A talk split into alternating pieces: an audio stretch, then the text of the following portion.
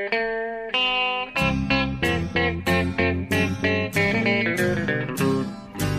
out there, we're on the air. It's hockey night tonight. Tension grows, the whistle blows, and the puck goes down the ice. The goalie jumps and the players bump and the fans all go insane. Someone roars, Bobby scores at the good old hockey game. Oh, the good old hockey game is the best game you can name. And the best game you can name is the good old hockey game. Hallå, hallå, hallå, hallå, hallå alla! Allihopa! Det är dags för en ny NHL-podd nummer 146 i ordningen. Nu har jag fått det sagt. Och nu lämnar jag över till Per Bjurman. Ja, hallå där! Vilken överraskande övergång direkt. Ja, hallå! Här sitter jag i, på Manhattan i New York en, en grå april eftermiddag. Ja. Eller lunch. Och du sitter på redaktionen i Stockholm. Exakt. Sveriges huvudstad. ja, nu hör ni hur rörigt det blev här. Jag var, jag varit lite överrumplad av övergången. Ja, men jag försökte ja, för en gångs skull vara snabb. Ja. Det är dags för podcast nummer 100 vad? 46. Yes. 146. Och eh, vi ska, det är den sista vi gör under grundserien 2016-2017. För nästa vecka börjar ju slutspelet. Ja. Eh, så att det blir väl en hel del eh, sammanfattning här av ja, framförallt vad som fortfarande pågår i racet, men lite också eh, om vad som har hänt tidigare. Ja. Eh, men jag kan ju börja med att berätta att jag var ute och rest igen. Jag var i Detroit i helgen och tog, tog farväl av Joe Louis Arena, The Joe. Ja. och de ska ju spela två matcher till där nu i helgen då som kommer. De avslutar med Montreal på lördag och New Jersey på söndag. Och den allra sista matchen i The Joe råkar ju också otroligt slumpartat bli Henrik Zetterbergs tusende match. Ja, det är rätt bisarrt faktiskt. Att det, ja, det, det är en samma sak, så. Ja, det är en sak om det hade varit så att, eh, att de hade kalibrerat liksom och, och ja, ställt honom på match för att, ja. det, ja, för att det skulle bli så. Men han har ju spelat varje match i år. Ja. Eh, så det här är ju snarare så att om han för tre år sedan hade eh, spelat en match mer eller en match mindre så hade det inte, då hade de tvingats till det. det. Det är ju otroligt märkligt ändå. Ja, det är faktiskt rätt. Men, eh, och det var ju en, eh, jag skulle hemskt gärna vilja vara där då. Och faktum är att han var på mig om att han tyckte också det. jag skulle vara ja, han tyckte då. det var lite olycklig timing, att du skulle åka tillbaks. Eller stanna ja, kvar. Han tyckte, att, eh, han tyckte att jag borde vara på tusende matchen. Men det är ju sista omgången och då har jag så väldigt mycket att göra ändå. Så jag kommer inte att kunna vara med på något firande och så. För då ska det eh, sammanfattas och eh, tippas och allt vad det fixas med program och sånt. Och just i den diskussionen är inte Detroit så aktuella får vi bara konstatera. Nej, Nej tyvärr. Och eh, det, det, den söndagen har, minst, vet jag av erfarenhet, brukar bli väldigt sen. Ja. Hur som helst, det var väldigt eh, trevligt tycker jag det, att få komma tillbaka till Joe. I de, de första åren eh, jag var här och, och, som verkligen bevakade NHL från eh, hösten 2005 och framåt. Ja. Det var några år där, framförallt kring 08-09 när jag var extremt mycket i Detroit. Det var den stad jag såg mest. Var ditt andra hem? Ja, om man bo, av städer utanför New York så var det den jag såg tror jag mest av, den och Washington. Ja. Eh, och, eh, men nu har jag inte varit där på några år, för det har ju varit som det har varit. Sen Lidas slutade så har det varit mindre liksom hett.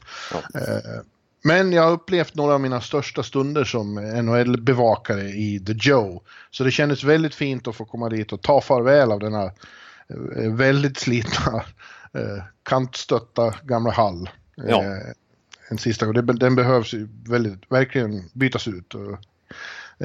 Men ja, jag blev väldigt nostalgisk och väldigt sentimental och skrev djupt kända texter om detta. Ja, det förstår jag. Eller så. Men eh, det är också häftigt att tänka på vad som kommer sen då. För att eh, den nya arenan, Little Caesars, jag har inte fått se den inifrån, jag har sett den utifrån nu. Ja. Men spelarna som har varit och tittat är jävligt imponerade. Så den, den är ju tydligen då eh, inspirerad av Bell Center i Montreal. Det kommer att vara så väldigt branta läktare och sånt. Ja, det är ju coolt alltså. Ja, det är ju verkligen det. Och jag har också sett lite skissbilder på det. Ser ju, den ser ju... Visst, Rogers Place har ju satt en liten ny standard här för... Jag tycker det är den liksom...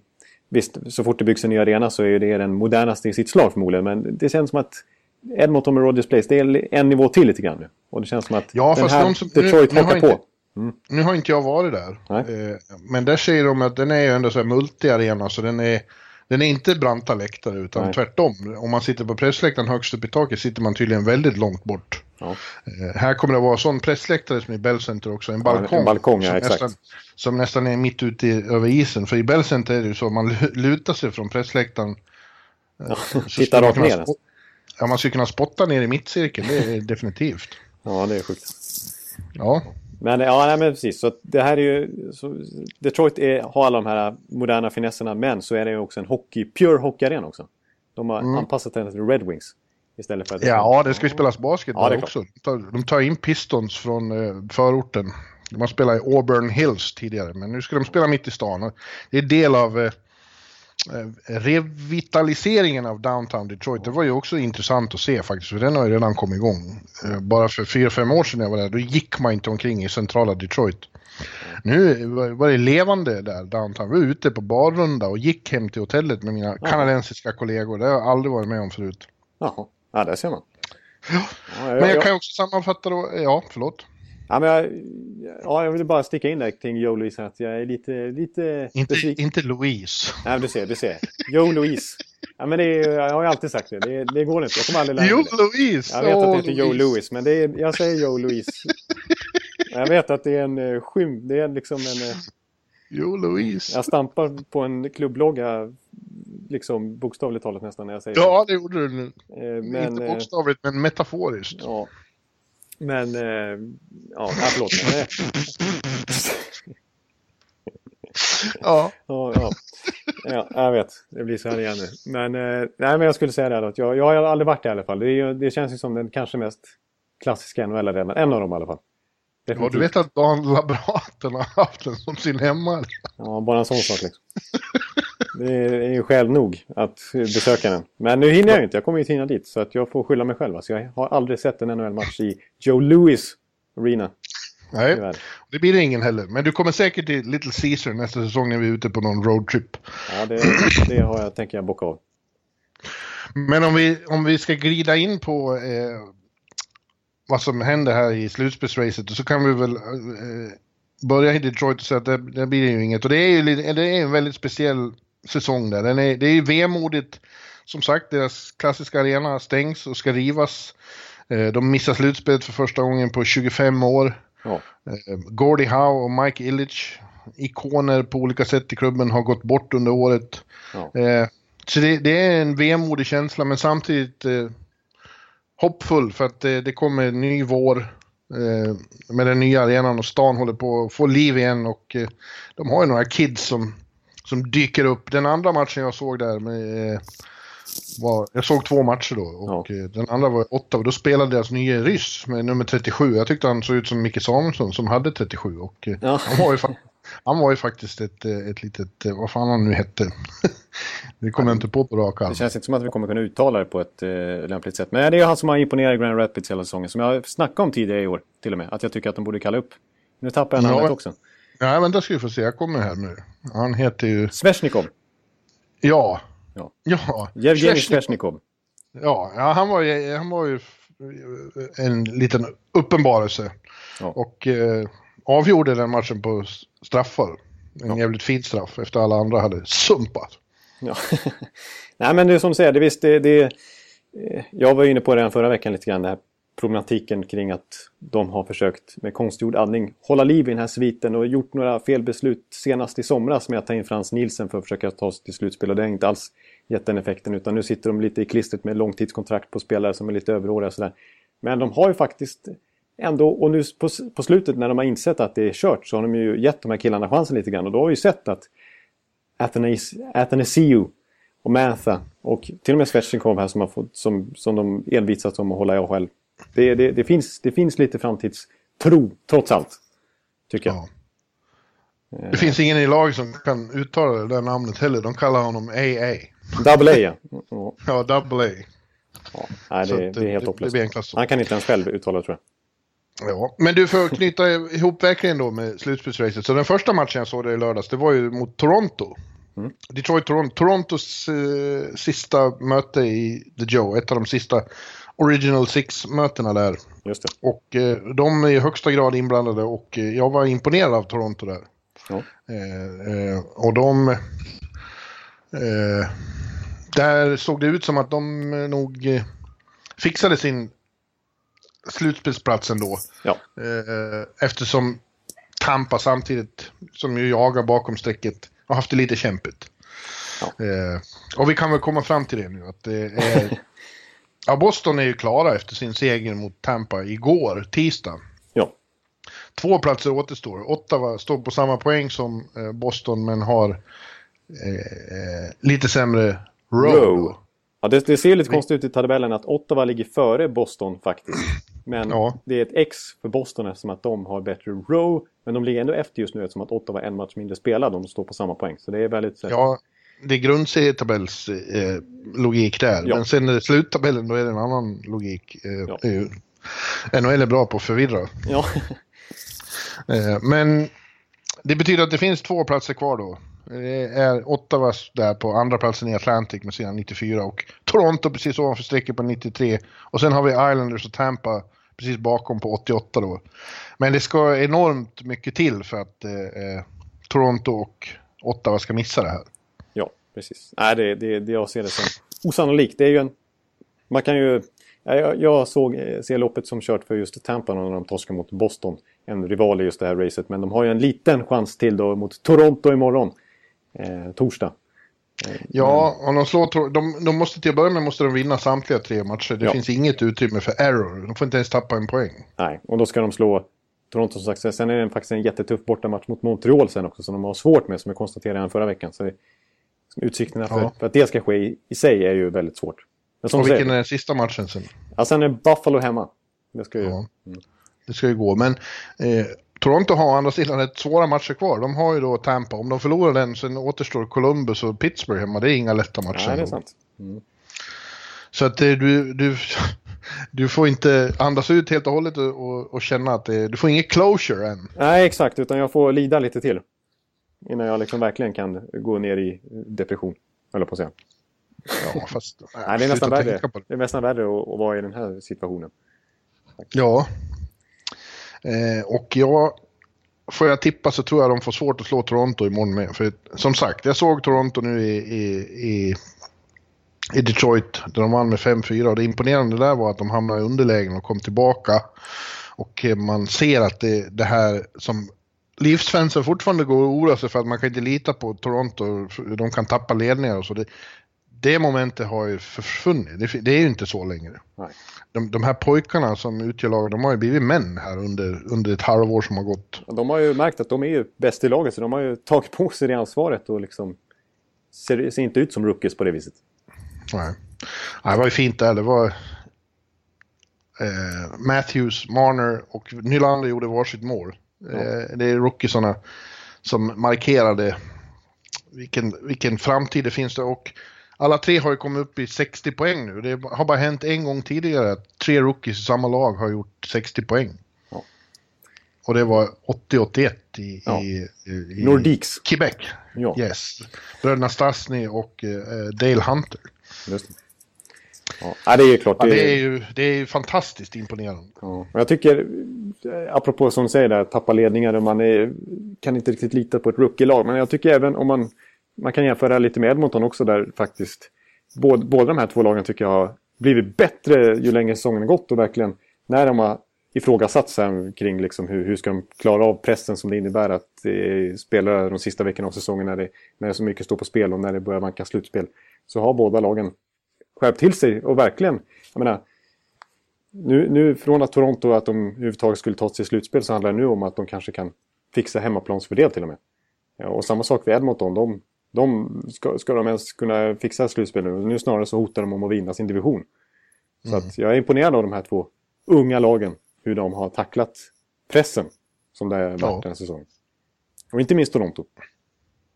Ja, verkligen. Det, och och det, det, det syntes på just de där tre. Jag, jag studerar Nylander mest då. Och, eh, han har inte för att det har varit något fel på hans självförtroende förut heller. Men man ser att han är ännu mer säker och komfortabel och har pondus på isen nu. Han, han, man ser på honom att han vet att han, han kan definitivt tävla med de allra bästa och, och han kan göra poäng och mål eh, on demand. Ja. Ja, Nej, det, det ja, absolut. Nylander är, det är alltså... Jag är överraskad av alla de här tre som sagt. Alltså man hade... Vad som jag flängde ur mig på Twitter häromdagen att man hade, klart man hade höga förväntningar på de här killarna. Det är jättetalanger, de har gått högt i draften allihop. Men att alla, så här tidigt som tonåringar nästan, ska gå in och bli bärande spelare och ta ansvar och växa under Babcock här. Det, det, det, kanske inte, det hade jag inte trott ändå. Och det är verkligen Nej. tyder på vilken potential det finns i det här laget på sikt. Ja. Och att när de inte ens har gått för det på det viset att de har... Visst, Brian Boyle tog dem in, men de har ju inte... Det är ju inte så att de har varit några buyers som verkligen visat att det är nu det ska hända, utan det är fortfarande lite rebuild-fokus på något vis. Och redan nu är de så här otroligt bra. Det är, det är bra. Ja. Det är bra betyg. Ja. Och eh, som sagt, det, vi får ju se hur, vad som händer när de kommer till slutspel. Eh, jag såg att Dylan Larkin hade sagt det, Detroit-talangen, att eh, han gjorde sitt första slutspel i fjol då. Han sa att det var en chock.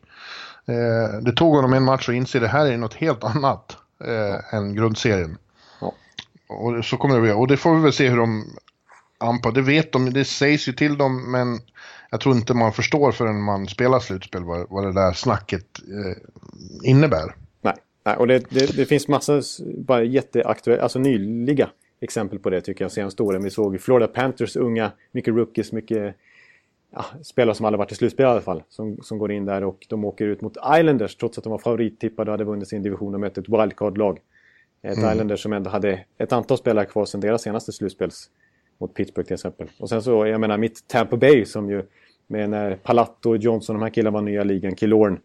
Eh, när de åkte på Montreal i första rundan och var lite favorittippade och blev svepta direkt. Så att, eh, och sen förstod de nästa år att det här är, måste förberedas på ett helt annat sätt. Så att, visst, den, det, det, det var 2014 då. Ja, så den asterixen eh, bör man eh, peta bredvid slutspelshoppet för Toronto och Edmonton till exempel. Att de har ju aldrig känt på det här riktigt förut. Nej. Nej. Det är en annan sak. Ja, och det blir spännande. Om, om den här tabellen som är nu skulle eh, vara den som gäller så får de gå upp mot Washington i första rundan. Det, ja, det blir ju spännande. Men det är också intressant att se vilket jävla feber det är i Leafs Nation nu. Ja. det är inte så jättelångt till Detroit från Toronto och inte från Kanada. Alltså det, Windsor ligger på andra sidan Detroit River där. En gränsstad. det var ju enormt mycket eh, folk där i lördags. Som höll på Toronto. Det var fantastiskt tryck i arenan. Det rullade om varann. Let's go Red Wings och Go Leafs Go. Ja.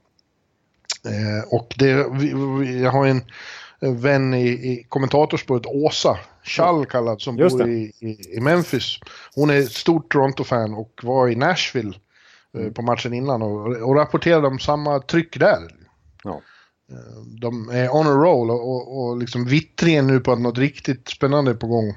Eh, har eh, verkligen, verkligen eh, skapat eufori i detta plågade supportersällskap. Ja, ja, det förstår jag. jag, jag ett, ett, exempel som jag tror jag nämnt tidigare som inte är så spektakulärt egentligen men jag tycker att det var lite kul. Bara som säger vilket extremt hockeymarknad det är, vilket intresse det finns. Det var när förra året, eller om det var förra året, när Viktor Löv blev uppkallad eh, till Leafs. Och det mest tweetade ordet, eller orden, det dygnet i Torontoområdet, det var Victor Louvre. Ja. En nobody, lite, ja. alltså lite nobody i sammanhang, får ursäkta Victor Löv här, men eh, och i ett Toronto som ligger hopp, hopplöst sist, så det spelar inte så stor roll heller. Men så engagerad är han i sitt livs. Tror du Victor lyssnar på den här podden eftersom du ursäktar dig? Ja, det är oklart. Ja, vem, vem, vem, vet, vem vet? Vem vet? Ja. Men, men just det där med, som vi nämner här, att de har tre rookies på 60 poäng det är inte eh, entusiasm bara för den här säsongen. Jag tror de flesta inser att de kanske inte kan gå hela vägen i år. Eh, men eh, alltså vad det här säger om framtiden när man har såna här klenoder, unga klenoder i truppen. Förr eller senare, inom de närmaste åren, kommer de ju att vara en utmanare och kanske gå till final. Man, man, man har inte svårt att se en final mellan Toronto och Edmonton inom några år. Nej, nej, nej Matthews, exakt. Det, det är fullt eh, rimligt. Så är det. Matthews mot, mot uh, McDavid. McDavid, ja vilken... Oj, oj, oj, oj, säger jag. Ja, det är, det är dels USA och Kanada och så vidare. Så vi, och det, det blir ju lite nya, liksom den kommande decenniets Crosby mot Ovechkin lite grann. Ja. Känns det som. Eh, att det finns potential. Men jag undrar om det kommer gå någon trend i det här nu. Alltså, för det är, alltså varje år så är det lag som bestämmer sig för att de ska gå in i en rebuild nästan. Det är ju klart att det händer. Men Torontos var ju ganska extrem ändå. Jag menar, de, spark, de, de bestämmer sig för att göra om totalt på ledarsidan och front office och scouter och allt möjligt. Alltså, totalt sett har de ju sparkat kanske 30-35 personer på, ja. inom loppet av något år bara. Och helt ny organisation är det som har eh, startat den här rebuilden. Jag undrar om, alltså, om man sneglar till exempel på Detroit. Ska de våga göra som total overhaul? Nej, Nej det kommer de inte göra. De har inte några sådana personer som han som satt bredvid mig faktiskt på, i lördags. Jag hade platsen bredvid Channy. Ja, Brandon Channy. Det är stort. Det var, ju, det var ju väldigt stort. De zoomade in honom där och hyllade honom eftersom han är gammal Detroit-spelare. Då råkade jag hamna i tv också. Är det sant? Ja, det är mäktigt. ja. ja. Jag vågar inte prata med honom, men han, var, han svor mycket. Jaså? Ja. ja, det tror man kanske inte. Han framstår ju som en helylle kille. Men det hände något på isen så hörde jag hela tiden bredvid Motherfucker, motherfucker. Du ser. Ja. ja. Jaha. Och Celebrate is good this season. Så. Han sa det? Åh, oh, fint. Ja. ja, det är snyggt. Mm. Nej, men eh, nej, det är klart, det kanske inte Detroit eh, står i kraft att göra efter. Men eh, ja, det, är ju en copycat League och Toronto har ju varit extremt framgångsrika på kort tid. Att, eh och framförallt så vill jag ju, måste man ju cred till deras nya Mark Hunter och så vidare, deras scoutstab som har gjort extremt bra draft. Alltså det är ju, visst, Visst, det är klart att det är höga draftval. Marner och Nylander till exempel. Och Matthews var given i princip gå nummer ett.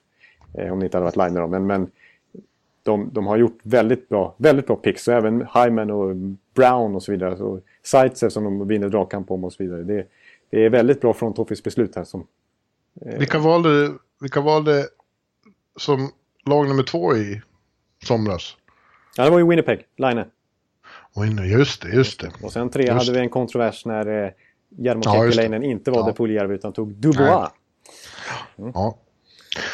ja, men om de vinner imorgon då, torsdag, Toronto mot Tampa, då är, har de säkrat också. Ja, och det, det... Helt och hållet. Jag är pessimist så att eh, så blir det. Ja, det tror faktiskt jag också. För vi såg igår då Boston-Tampa. Bostons... Äh, vänta, nu tappade lurarna här. Ja. Eh,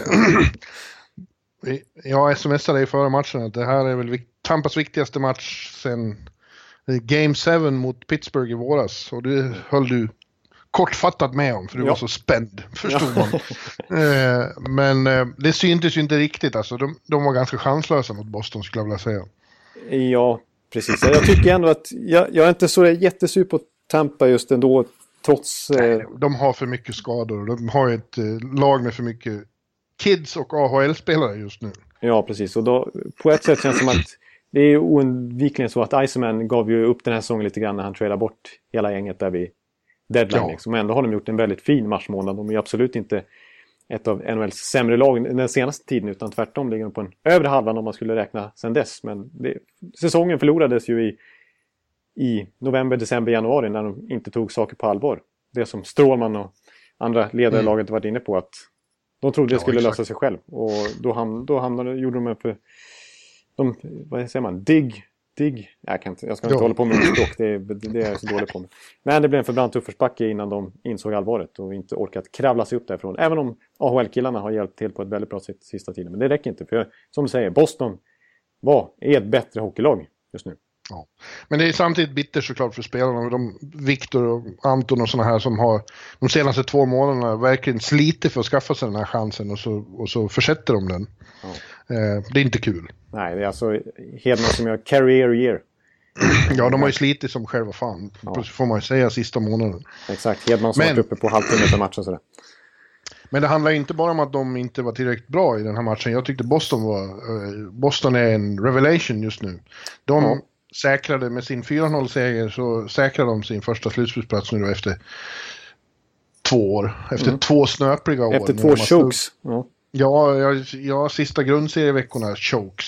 Mm. När de har snubblat, de har fällt sig själva i princip. Nu är de tillbaks i contention och jag skulle nog säga att det är, ingen, det är nog ingen som vill möta dem i första omgången. Nej, det, det känns som ett bra lag det här Boston-laget. Alltså, jag är imponerad av dem också. Sex raka segrar nu efter, efter att det började surras lite om ska de choka ihop nu igen. Mm. Eh, så har de verkligen, som du säger, det har varit en revelation och, och eh, jag tycker det är många lagdelar som ser bra ut där. Vi har ju varit kritiserat backsidan lite grann och vi har kritiserat målvaktsspelet. Tukarask hade några dåliga månader men nu har han kommit igång och till och med backup från backup-sidan har de ju fått bra målvaktsspel från Sjödomin som var nere i AHL i början av säsongen. Ja. Så att, och det är mycket som funkar där och, och, och även, jag menar, Burson har kommit igång nu. Eh, Krejci har kommit igång lite när han har parat ihop med Pasternak. Och eh, mm. bredden tycker jag ändå funkar hyfsat. Jag menar, vi, vi fnös lite grann kanske åt Drew Stafford att han skulle vara någon, göra någon skillnad. Men jag tycker ändå att de börjar få ihop lite bättre dynamik överlag i kedjorna. Så ja, och så är defensiven mycket bättre. Backsidan ja. ser väldigt mycket bättre Alltså, de var framförallt det som stack ut tyckte jag igår, att de såg till att Tampa inte fick några chanser alls egentligen. Nej, det var väldigt ja, väldigt ont om Inte minst när eh, Tampa hade fem minuter lång powerplay och skapade nästan ingenting. Nej. Nej, exakt. Nej, det, det, var, det var en extremt bra penalty kill. Ja, jag, är, jag är imponerad av alltså, många i, på backsidan där, men jag, jag, tycker man, man säger att Chara tydligt har tappat och att han är på väg neråt, och det är han ju definitivt. Men det är fortfarande en väldigt bra back, tycker jag. Nog. Ja, ja, han känns som att han fått en liten nytändning här under Cassidy, och jag hade lite konversation på Twitter här med ett svenskt Boston-fan som mm. eh, sa det att det här coachbytet har haft stor effekt. Eh, och att Julien är en väldigt bra eh, coach men han hade inte det spelarmaterial längre som krävs för hans sorts hockey. Mm. Så Cassidy har anpassat sig mer eh, till materialet än tvärtom som eh, kanske är Juliens idé. Ja. Eh. Därför kollar man på den, på den avancerade statistiken då, så är, var ju, stack ju verkligen Boston ut som ett otroligt possession-lag. Att de genererade väldigt mycket skott framåt och med, betydligt mer än motståndarna och dominerade matcherna när det kommer till puckinnehav. Men, men de gjorde, hade ju bedrövlig effektivitet och de kom inte till sådär jättefarliga målchanser trots allt. Och de släppte ju till väldigt mycket bakåt. Eh, när det är alltså mål. Det, det rasslar till bakom Tucka. Det beror ju mycket på att Tucka Rask kanske inte var i full gott slag alla gånger heller. Men nu, tittar man nu så är det, de skapar inte lika mycket skott och lika mycket... Det, det känns, på, rent, kollar man rent på pappret så, så blir man lite överraskad. Men de har ju betydligt bättre effektivitet. De kommer till farligare chanser när de väl kommer till chanser.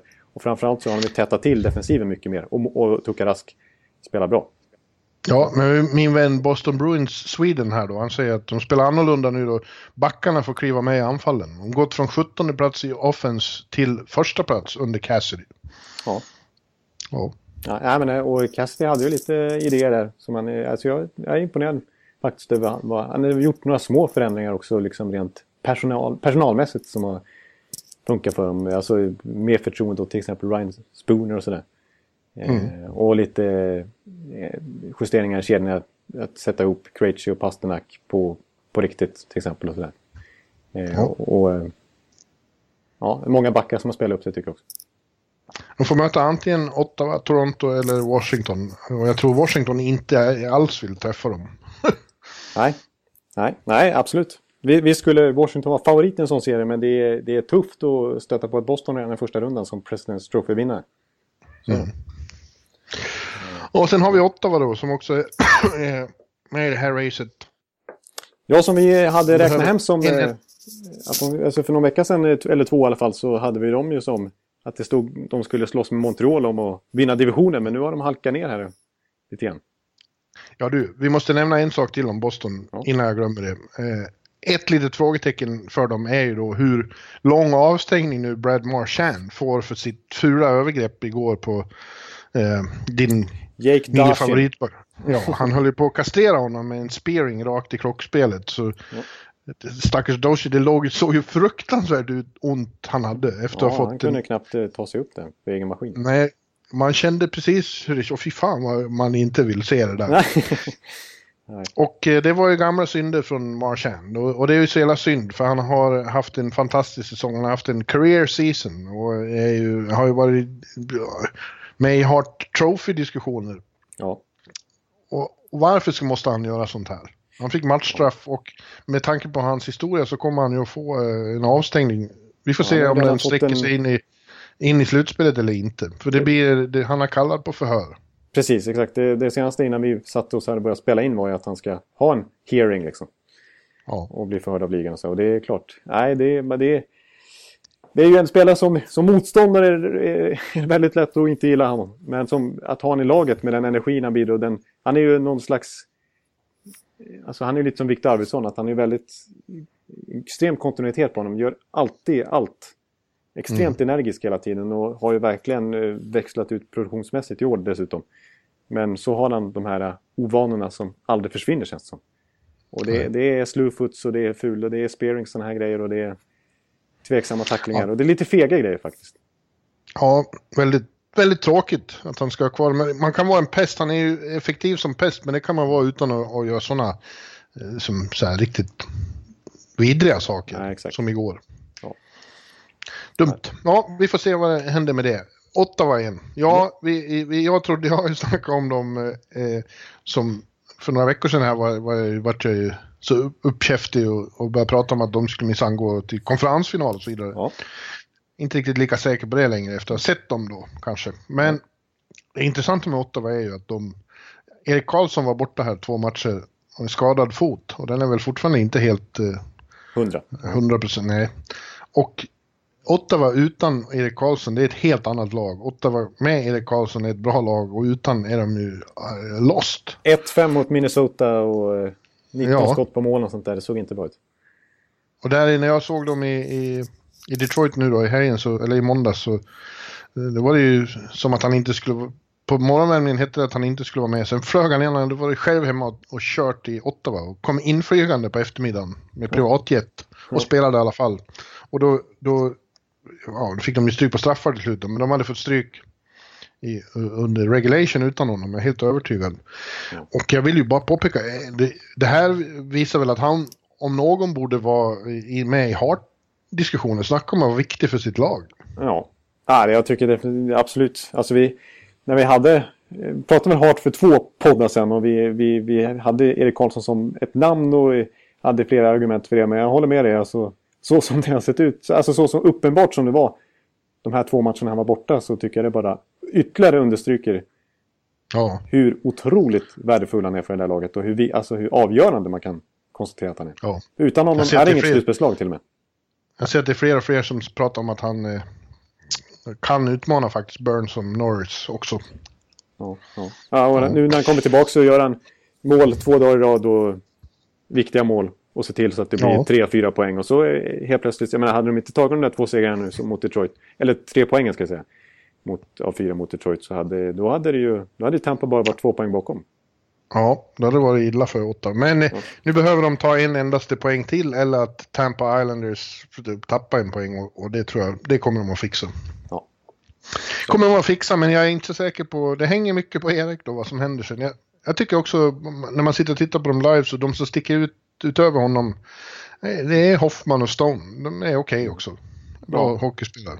Ja, jag gillar dem också. Jag brukar ju framhäva dem att jag tycker att de har lite... Inte, inte juveler är att ta i, men jag gillar ju, jag gillar ju Stone. Jag hade ju till och med honom på någon lista när vi skulle ha säsongens utropstecken och sånt eh, mm. eh, Inte för att han har gjort någon extraordinär säsong just i år, men jag, jag, jag gillar Mark Stone inte minst. Eh, så att men eh, nej, och visst. Nej, jag vet inte, jag, jag snubblar till, jag snubblar till lite grann här. Nej, men det är klart ja, att... Nej, men det är svårt. Eh, när man är så beroende av en spelare så känner man viss tvekan ändå. Ja. Eh, de kommer ju antingen spela mot Boston eller Toronto eller Washington. Ja, det är ja. lika för dem. Och så tror jag också att, att faktiskt att Mark Metoff fick sin, sitt finger avslaget här av Sidney Crosby för några veckor sedan och bli borta ett bra tag. Det tror jag inte, det är nog värre än vad man tror. Alltså inte för att Metoff är någon otroligt stjärna i NHL, men väldigt bra ihop med, med eh, Karlsson där i första backpar och det ger en det är liksom, hierarkin blev väldigt bra i back, back, deras tre backpar där. När Metoff mm. var, nu har de fått ruska om lite grann. Cody Ceesay har varit lite skadad också. Fredrik Claesson har gjort det bra faktiskt ihop med Erik Karlsson här mot Detroit. Men, eh, men det blir, det, det, dynamiken liksom, ser inte lika bra ut känner jag för, för Ottawa nu. Utan Nej. med Toff. Nej. Nej. Ja. Vi får se. Jag tror att det, av de här lagen skulle de ha störst chans om det blev så att de fick möta Toronto. Men det, då ska Boston hamna på sista wildcard-platsen. Det tror jag inte de gör. Nej, Nej faktiskt. Jag, tror Ottawa får gå mot Boston eller Washington. Och det blir, det blir svettigt det.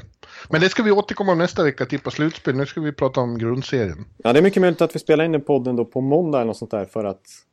Måndag eller tisdag, absolut. Ja, en preview-podd inför själva. Ja, ja, ja. ja det är väl självklart. Ja, men självklart. Ja. ja. Så kan vi konstatera att sen senast då så är Carolina hakade ju på länge väl, men de är borta nu. De fick stryk mot Minnesota igår och eh, de gjorde det ju bra här som kom tillbaks efter när vi var där och alla trodde att det var kört, de själva med. Ja. Hade fint, eh, men det räckte inte riktigt ända fram. De måste hålla mer kontinuitet genom en hel säsong för att det ska gå. Men jag tror att det finns goda möjligheter nästa år. Ja, som jag var inne lite på för någon podd sen också, att när de väl har bra målvaktsspel som de fick från Eddie Leck framförallt då i några matcher så visar de hur, hur vilken, alltså att de har en rätt vass backsida, att de har en bra forwardsida. Att när allt, när allt faller på plats så är det ett ganska starkt lag. Som definitivt, mm. som jag menar, som kan ha 12-13 matcher i rad utan ens förlust till och med. Eh, så att jag tycker det, det är deras absolut viktigaste åtgärd i sommar, det är att lösa en riktigt bra keeper. Mm. Även om Eddie har varit bra nu. Eddie har varit bra, men eh, Ward, nej. Det måste, nej. det måste till en förändring. Okej. Okay. Ja. Islanders då, som ju nu också står på samma poäng som Tampa, de eh, får ju, eh, de har tagit två raka nu, tre raka Tre raka, med. med Jaroslav Halak i målet eh, som ensam nämnare. Det var lite oväntat, från AHL till eh, ja, slus, och, eh, slutspelsdrömmen i liv här för hela klubben. Och, och framförallt utan John Tavares som ja. missar resten av grundserien. Uh, han har gjort illa en här sena. Och, det är ju väldigt starkt att, göra det utan Tavares som är sån som ja, överlägset viktigaste spelaren i Islanders. Exakt. Men det är lika för dem som för Tampa. Det krävs ju mirakel för att det ska, för att det ska fungera. Att de ska klara komma upp ovanför strecket. Ja, man tycker när man ser på deras lagbygge så det håller ju till och med Islanders-fans som jag känner med om. Att det, det ser ju inte ut som ett slutspelslag utan de har ju nästan överpresterat här lite under Dog Wait. Han tog ja, han har verkligen Dog fått... Tycker jag har verkligen gjort ja. intryck. Alltså. Honom måste de ju behålla. Ja, han har gjort det otroligt bra. Han verkar ha en extremt bra kommunikation med spelarna. Och, ja, han och en bra som... system också. Ja, han är så passionerad där på isen och, och ja, jag får väldigt förtroende för honom. Ja, jag, tycker, jag tycker journalister berömmer för hur han, hur han för sig utanför när han pratar med media och när han vankar runt i omklädningsrummet och så vidare. Han säger intressanta saker. Liksom. Han, är, han är en intelligent människa. Som inte det... bara pratar klyschor. Nej, exakt. Och det är lite intressant eh, alltså att en kille som har så lite erfarenhet från att vara tränare egentligen, aldrig varit huvudtränare och helt plötsligt ta över ett NHL-lag, att han kan lyckas så bra. Han kommer ju väldigt nyligen från spelarkarriär också. Ja, man vet aldrig vem som egentligen passar som coach och inte. Liksom. vi blev förbluffade rent... av Tortorella den här säsongen och Mike Sullivan hur han eh, vände på steken totalt i, i Pittsburgh. Mm. Liksom. Man, man, man, blir chockad. Man kan inte riktigt veta det. Nej, men eh, en liten tröst eller eh, en silverkant för Islanders-fansen är att de, som du och jag, har fått se Ho Sang så mycket på slutet och han har ju varit en revelation också. Ja, precis. Absolut. Han är, det är båda gott inför framtiden. Och så får man ändå säga att Andrew Ladd som var säsongens stora besvikelse alla kategorier första halvan av säsongen ändå kommer upp i en 21 mål. Och Andrews Lee som, som ändå gör över 30 mål lite i skymundan och sådär. Det finns ju, mm. och så Anthony Bouvillier som helt plötsligt har fått gå in och bli första center nu när Tavares är borta.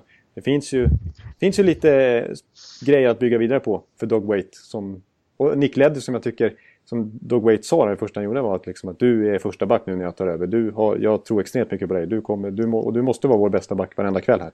Och det har han varit. Jag tycker Nick Leddy mm. har varit, gjort en väldigt stark avslutning på säsongen. Så att, de har ju saknat Johnny Boychuk också. Det ja. har också varit ett Men han har hårt slag. Det har varit ett hårt slag. Jag tror han har kommit tillbaka precis sista, sista matcherna när de har vunnit lite grann. Och det backparet är, är ju bra liksom. Mm. Ja. Philadelphia också borta helt och hållet. Efter ja. förlust mot Rangers här i söndags på, på Garden. Eh, och ja, jag vet inte vad man ska säga om det. Det, det känns det är samma där. De har inget riktigt slutspelslag. Nej, nej, exakt. Det känns som att de är lite märklig fas. Jag pratade tidigare i säsongen om en liten identitetskris där. Eh, jag är svårt förtjust i Ron Hextell och vad han har lyckats göra. Eh, med ganska krångligt bygge att ta efter Paul Holmgren med svåra kontrakt och sånt där och ändå rebuilda mm. on the fly lite grann. Inte, gå ner i en total depression utan ändå slåss lite i slut, kring slutspelsstrecket. Och drafta väldigt mycket bra backar och lyfta fram fina forwards även till Hackstall. Men så har han i sin tur inte riktigt velat använda dem så som Hextall kanske hade tänkt sig. Så han fortsätter att satsa på de gamla gardet och på Bellemare och på Vandevelde och så vidare. Och medan Connectney ibland blir helt i scratch och medan till och med en sån som Ghostis Bear inte får spela alla matcher. Eh, Nej, Flyersfansen är ju lika rasande nu som under Berubes sista tid, ja. känns det som. Ja. Eh, för att han använder materialet så otroligt underligt. Och lite underligt är det ju om man nu har skaffat sådana unga och försöka liksom eh, odla dem på rätt sätt. Eh, Så är det ju eh, egendomligt att han har sån gammaldags syn på eh, vad man ska vara när man är NHL-spelare. Och jag, tycker, jag, jag tycker visst, det, det, jag är inte förvånad att de missar slutspel det här laget. Men jag tycker ändå att det finns, det är så pass bra att, alltså, att de skulle kunna... Jag tror en stor faktor just den här säsongen till att det inte blir slutspel för Philadelphia, den kanske största trots allt. Man kan peka på Hackstall som väldigt bidragande, men också naturligtvis att Steve Mason och Mikael Neubert haft bedrövliga säsonger eh, jämfört med året innan. Eh, det, man måste ju ha bra målakter. Och det har inte de varit i år. I alla fall. Och så har lagkaptenen Claude Giroux ja. gått ner lite, i alla fall i år. Absolut, han gör sin klart sämsta säsong poängmässigt sen hans rookie eller andra år. Och sånt där. Det, är, det är hans sämsta säsong på 7-8 år. Mm. Eh, det är lite oroväckande. Flexibility is great. That's why there's yoga. Flexibility for your insurance coverage is great too. That's why there's United Healthcare Insurance Plans. Underwritten by Golden Rule Insurance Company, United Healthcare Insurance Plans offer flexible, budget friendly coverage for medical, vision, dental, and more.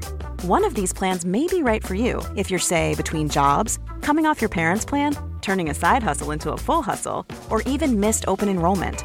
Want more flexibility? Find out more about United Healthcare Insurance Plans at uh1.com. Men nu är de borta. Vi kommer inte att prata mer om dem i år. Inte om de andra som är borta heller. Ja, det det. Eh, låt, oss, låt oss titta på toppen i Eastern istället. Eh, helt kort. Eh, där har Montreal då säkra segern i Atlantic-divisionen och kommer med 99% säkerhet att möta Rangers i första omgången. Rangers har säkrat eh, första wildcard-platsen där. Inget alls... Ja, det skulle vara helt galet att de skulle komma ikapp Columbus på tredje platsen i, i Metropolitan. Så det blir dem och jag tror att eh, där kommer nog... Ja, det är rätt stor chans att Montreal får revansch för konferensfinalförlusten mot Rangers 2014. Såvida inte Chris Kreider knockar eh, Carey Price igen då. I början ja, av serien. ja. Nej men det, ja. Nej, det, det, den här kommer väl, just den matchupen kommer vi snöa in oss ganska mycket på nästa på också.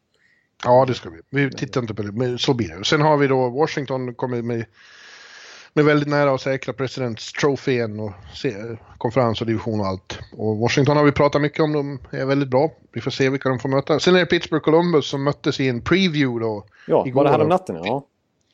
Pittsburgh visar musklerna. Uh, men det är intressant. Jag, jag, kan avslöja att när jag pratar med, som sagt, hade lunch med Z här mm. uh, i Detroit. Ja. Ja, det var fint. Då satt vi åt, till kaffet eh, kom de plötsligt ut på restaurangen med en stor tårta och gav honom. Och ville fira att han hade gjort sin 900 poäng. Oj, du ser. Ja. Mm, magiskt. Ja. och då kan jag avslöja, när jag frågade honom, vilka kommer att vinna nu då Henrik? Och vet du vad han sa? Sa han då Columbus alltså? Columbus Blue Jackets. Oj, det är ändå stora ord från en eh, lagkapten i NHL alltså. ja, ja, ja alltså, det var ett tips. Han, han, han säger inte att det kommer att bli så, men det var hans tips. Han, han sa att... Eh, Fjäderhatten för Blue Jackets. Han sa att det är de som är jobbigast att spela mot. Och eh, de har en målvakt som om han blir het, Bobrovski, då går han inte att mål på. Nej. Så det, det ligger något i det. De har inga stjärnor, de har bara en stor jävla lagmaskin som kan pumpa på. Och så en galning i båset som skriker eh, skriker ja, igång fast dem. han är inte så galen. Nej, det är sant. Jag vet. Det har bara hänt några enstaka gånger den här säsongen. Men det, det, det, är ju en intressant matchup. Alltså, vi vet i alla fall att det blir ju kul. Just de här två lagen som har mötts mycket senaste åren. Och det finns lite matcher i matcher. Dels så är det bara Tortorella i sig. Hans värsta motståndare, ärkefiende, alla kategorier, det är ju Pittsburgh. Det är det värsta mm. han vet. Eh, och sen har vi ju Dubinski mot Crosby till exempel. Ja, fast det, jag vet inte om han tycker det längre. Torrella, hans bästa kompis, står ju ja, i båset. Ja, han står i andra båset å andra sidan. Ja, det gör han faktiskt. Han kan inte hålla på. Han höll på och fnissade igår om att han minsann är bättre på golf och så. ja, nej men... Men, det är, men ja, jag tror i alla fall, alltså nu när Pittsburgh vann den här matchen och skaffat, nu ser ut att vinna hemmaplansfördel. Det tror jag blir viktigt i alla fall. För att Pittsburgh, båda de här lagen är ju extremt hemmastarka. Pittsburgh är det lag som har mest poäng av alla på hemmaplan den här säsongen. Och jag tror Columbus är trea i den ligan. Så att det kommer, hem, hemmamatcherna blir ju jätteavgörande kanske. Det kommer att bli sån mangling i den serien, så jävla häftigt. Men Pittsburgh visade igår att när de använder sin snabbhet så är de, eh, svåra för sådana lag att komma åt. Och, Pittsburgh, och då har Pittsburgh nästan en princip en femma med väldigt bra spelare som är skadade och förhoppningsvis på väg tillbaks lagom till slutspel. Ja, det är både backar Ja, och men forward. vi, igen, vi ska gå in på det nästa vecka. Ja. Serierna. Ja. Nu tar vi och sätter oss på planet och flyger västerut. Ja. Titta på Western Conference. Och den är ju, där är allt drama avgjort, eller allt verkligt drama avgjort. För att, eh, Alla står med ett X. ja, eh, utom Chicago som står med ett Z, vilket betyder att de har säkrat konferensen. Ja. Clinchat konferenssegern. Los Angeles hade en liten, liten chans, fortfarande matematisk, i, i helgen. Men förlorade mot Arizona hemma. Ett, ett Arizona som var jävligt angeläget om att få sabba för sin gamla fiende från La La Land som har utsatt Arizona för så mycket elände genom åren. Ja. Och det fixar de med en regulation-seger mot Kings och därmed är de borta. Och vi har de åtta clinchade lagen klara. Chicago, Minnesota, St. Louis, Anaheim, Edmonton, San Jose, Calgary, Nashville. Ja. Ja, ja. vad som återstår är lite inbördes ordning om vem som ska eh, möta vem och, eh, framförallt är det li- lite spännande i toppen av Pacific känns det som. Där Ja. Anaheim, Edmonton, San Jose eh, gör upp om första platsen. Just nu har Anaheim fördelen med, med 101 poäng mot 97 på Edmonton fast de har också en match mer spelad. Ja, eh, ja det, är, ju- det, är, och det är klart att det är ändå viktigt för de här lagen. Att, jag menar, det, är- det är ju ganska stor skillnad på vilket lag man ställs mot. Och hemmaplansfördelen är viktig och den kommer ju att eh, den blir viktig även i nästa runda och så vidare. Ja. Så att, Det är också väldigt spännande, det var vi inne på redan förra veckan. Nashville och St. Louis är indragna i en liten eh, privat uppgörelse om vem som ska komma trea i Central. Vilket har rätt stor betydelse för då kommer man, ja de kan ju komma på första wildcard-plats också. Eh, I och för sig. Alltså, jag vill dra in Calgary i den diskussionen också. Visst, de kan inte gå upp på tredjeplatsen och möta Minnesota, men de kan åtminstone komma på den första wildcard-platsen så att de möter vinnaren i Pacific istället för Chicago. Ja, ja, det är väl Chicago man kanske vill undvika då. Och för Nashville, om de kommer trea får de möta Minnesota istället. Och det har vi redan varit inne på att det är, det är i alla fall... Minnesota är inte dåliga på något sätt, men det är, det är att föredra framför Chicago och ettan i Pacific ändå. Ja, och ser man till trenden Tror jag. En och en halv senaste månaderna typ så är ju Minnesota ett, nästan ett bottenlag i NHL. Visst, de har betydligt större potential i sig och det är, sett hela säsongen så är de ju liksom klara för slutspel för länge sedan.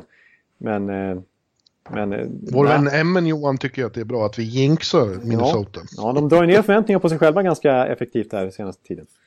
Ja. Från att ha varit den här lagmaskinen man visat och hyllade så stort. Men eh, ja. Ja. Och Anaheim är ju imponerande här sista tiden. Jag, menar, de har, jag tror de har 12 raka matcher nu utan en eh, förlust i ordinarie tid. De har 12 ma- raka matcher med poäng helt enkelt. ja.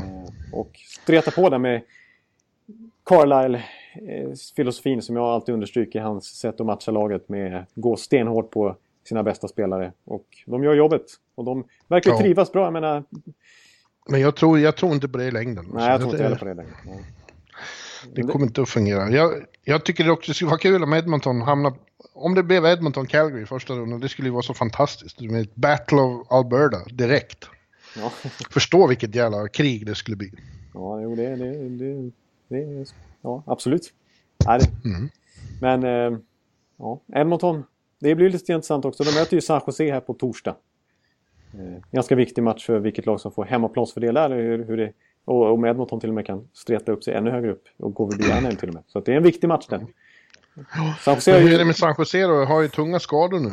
ja, Thornton eh, klev av. Det verkar inte vara så farligt, inte heller med Couture som varit borta. Men eh, Det såg ingen bra ut när Thornton klev av. Han kunde inte stödja på benet. Men förhoppningsvis är det okej. bara, man blir lite för överraskad ändå att han bara blev listad som day to day. Och ska vara Ja. good to go för slutspelet är ju, är ju signalen i alla fall. Men det såg absolut som du säger, det såg inte alls bra ut. Det såg ut som att till och med när man såg det spontant så var det så här, oj, säsongen är den. Ja, han kunde, när han skulle ut i omklädningsrummet så ramlade han ju omkull. Liksom, Ja. ja. ute i spelargången. ja. Ja. De har faktiskt vunnit två matcher efter sina långa förlustsvit i alla fall. Så de har repat sig lite grann. Ja, men om inte Couture och han är i fit for fight-form då, då, då blir det ingen ny final för Sharks. Nej, och, och generellt sett med Thornton så är jag inte han gör en bra säsong i år. Han börjar bli till åren också, men, men det är ju inte alls samma Thornton som förra året när han var med i toppen av poängligan och var point per game och var fantastisk i slutspelet. Den Joe Thornton har vi inte sett den här säsongen.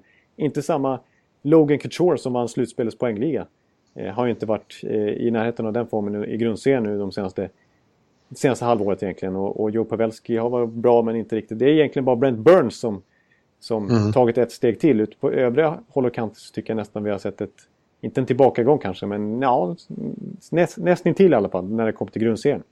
Det... Men det är inte alltid det som händer i grundserien säger något om vad som sen händer Nej. i slutspelet. Det vet annars vi. är det samma lag som ställer upp i slutspelet i år som förra året. Kryddat med två danskar i Jannik Hansen och Mikkel Böttger. Mm. Att, eh, det, det, finns ju potential, oförlöst potential i det här San Jose-laget som, kan, eh, som känns mm. som att det kan absolut räcka till en final. Igen. Mm. Ja. Jag tycker St. Louis känns som en liten outsider här på slutet. Ja. Ja. Det var vi inne på redan förra veckan. Mm. Känns som de har lite övertaget på Nashville och jag tror att Blues kommer ta den där tredjeplatsen i, i uh, Central. Ja. Och uh, de har, varit, de har spelat väldigt bra på slutet. Nu fick... Förlåt, nu åkte de på en oväntad förlust mot Winnipeg var det väl? Ja, Hemma. 2-5. När de inte var riktigt motiverade, men det kommer nog tillbaka. Så, ja, det är intressant där att de har tagit steg och blivit lite annorlunda lag under Joe. Ja, ja precis. De har, det, det har varit ganska stora förändringar där från markeringsförsvar till zonförsvar till exempel som varit mycket effektivare. Och faktiskt trots att Shattenkirk har försvunnit så har ju deras backspel blivit bättre. Jag tror mer det har med systemet att göra. Men, eh, ja. Och så Jake Allen naturligtvis som har spelat upp sig. Så att, och så forwardsidan där. De, till och med en sån som Jakubov har kommit igång lite smått. Och Pääjärvi och så vidare. Mm. De börjar få lite bredd där. Så att, eh, ja, och som sagt, för första gången på jättelänge så är St. Louis ingen som pratar om dem inför slutspelet. Från att vara den här grundseriemaskinen som toppar väst i princip till att smyga i bakgrunden och, och liksom vart sellers vid deadline till och med. Ja. Ja, ja men du, eh, Los Angeles då? De missar och eh, ingen stor chock eftersom de har hänt på slut. Men vad, vad, är problemet med gamla LA Kings? Ett, en contender så sent som för några år sedan och vann två Stanley Cup. Men eh, de får betala priset för det nu med, med de kontrakt de skrev. Ja, jag tycker det har lite med det som vi var inne på förra veckan. Att de har helt enkelt eh, belönat sina spelare för den enorma framgång som den organisationen fick under ett antal år. Men nu, nu kostar det å andra sidan en lite mörkare mm. period. Som, som kommer fortgå här jag, jag, har svårt att se att de ska kunna ta sig ur den här situationen med de kontrakt de sitter på under en överskådlig framtid nästan. Mm. De måste rebuilda lite grann nu faktiskt. Med Gabrick och Dustin Brown och så vidare. Ja. ja. Eh, mm. Så att det, det, det ser, de ligger ju liksom mot lönetaket, spenderar väldigt mycket pengar på det här laget men det är inte, det är inte tillräckligt bra längre. Liksom. Och så är det bara. Nej. Nej. Mm. Ja, synd för ett par killar som Jeff Carter har haft en fin säsong. Eh, medan ja, Copter inte, inte har riktigt kommit upp i normal standard. Vilket Nej. väl är ett av problemen. Ja, ja absolut. Mm. Hade han gjort en sån här eh, otrolig säsong som han är kapabel till då, då hade det kanske sett annorlunda ut. För det, det finns fortfarande skickliga spelare där. Men de är, det är ingen som är riktigt på uppgång. För man kan visst, man kan dra in Toffolo och så vidare. Och Carter är fortfarande bra och sådär. Och Dowdy är fortfarande i sin prime nästan. Så att, men eh, mm. nej, lite, ja, precis. De satsade igen. Tog in Iginland och tog in Bishop. Men det har inte gett någon effekt direkt. Bishop har ju sämre nej. statistik i Kings än man hade i Tampa. Ja. Ja, nu får han, om någon vecka får han åka tillbaka till Tampa och ta hand om sitt, eh, sitt liv. Eh, ja. och menar med, lösa med hus och sånt och träffa sina gamla polare. Säkert en, en golfrunda. avslutningsfest. Ja. Ja, ja, precis. Mycket lediga tror han hamnar nästa år? Då? Ja, alltså det blir intressant att se. Vi, jag har ju öppnat för eh, Carolina till exempel, eh, Las Vegas naturligtvis. Mm. Calgary var ju intresserade förra sommaren. Återstår att se om de är det nu med tanke på att Brian Elliott har studsat tillbaka så starkt. Eh, till sin ja. gamla St. Louis. Men det har ju svårt att se att de ska spendera så mycket pengar på en till målvakt. Men Dallas. Ja, det där får vi återkomma om. Ja. UFAS och sånt. Ja. Ja. Du, något annat då? Eh, vi det blir jävligt spännande nästa vecka då att gå igenom de serier som då kommer att vara spikade. Ja. Eh, Såvida inte världen har gått under innan dess, men vem vet? Eh, vi hoppas inte det. vi hoppas inte det, nej. nej. Eh, och eh, har det hänt något annat då, Jonathan? Ja, det har det. NHL har plötsligt lite chockartat meddelat att det definitivt kommer inte att skicka sina spelare till OS nästa år. Nej. Och det var ju en... Ja, det var en bomb. Eller bomb var det inte, det var ju ja, väldigt förväntat. Men det är ju en jättestor nyhet naturligtvis. Men den var ju väldigt förväntad. Men ändå, att det blev så ja, definitivt. Ja, tror, ja det, de har ju mer varit så här, advokatlingo tidigare som har låtit, om att det finns, låtit som att det finns eh, fortfarande öppningar och så. Men det här var ju mer definitivt då, även om jag inte riktigt tror... Jag tror att de spelare som hävdar att det här är ett utspel för att få en reaktion snarare än väldigt säkert. Eh, men ändå, det, det utlöste ju en stark reaktion, inte, inte helt oväntat. Spelarfacket gick ut med en, svavelosande utlåtande och de spelare som har uttalat sig har också varit väldigt upprörda. Jag pratar själv med Erik till exempel och han kallar ju det hela för skit. Den som har tagit det här beslutet vet inte vad de håller på med. Ja, det varit... Ingen av spelare och så. Exakt, det har varit alla spelare nästan har varit, alla stora stjärnor. Jag menar, det kanske inte varit lika explicita som till exempel Erik Karlsson och någon annan har varit. Men jag menar, jag menar Taves och Crosby och hela gänget. Mm. Conor McDavid, Matthews. Mm. Eh, alla stora profiler, viktiga affischerna för NHL har ju uttryckt stor besvikelse över detta beslut. Ja. Oförståelse. Men det är ju politik. Alltså det här är, det här är ju liksom början på förhandlingarna om nästa kollektivavtal. Eh, redan i vintras så försökte ju NHL säga att om, om ni behåller det här CBA så, så åker vi till OS. Men det sa ju spelarfacken nej till av flera anledningar. Men en är ju att det, vad är det, 150 killar som åker på OS, sen är det 700 till. Så de som ska spela OS ska inte prata bara för alla. Liksom. Nej. Nej, exakt. eh, så, ja. Men det är det som är, så, det, är det som är speciellt med den situationen också. För att det är många som har lyft fram här på slutet också att eh, alltså, IOKs roll i det här. Och grejen med OS är att det är ju en så otroligt stort evenemang. Och så stor prestige och ära att vara med i ett OS.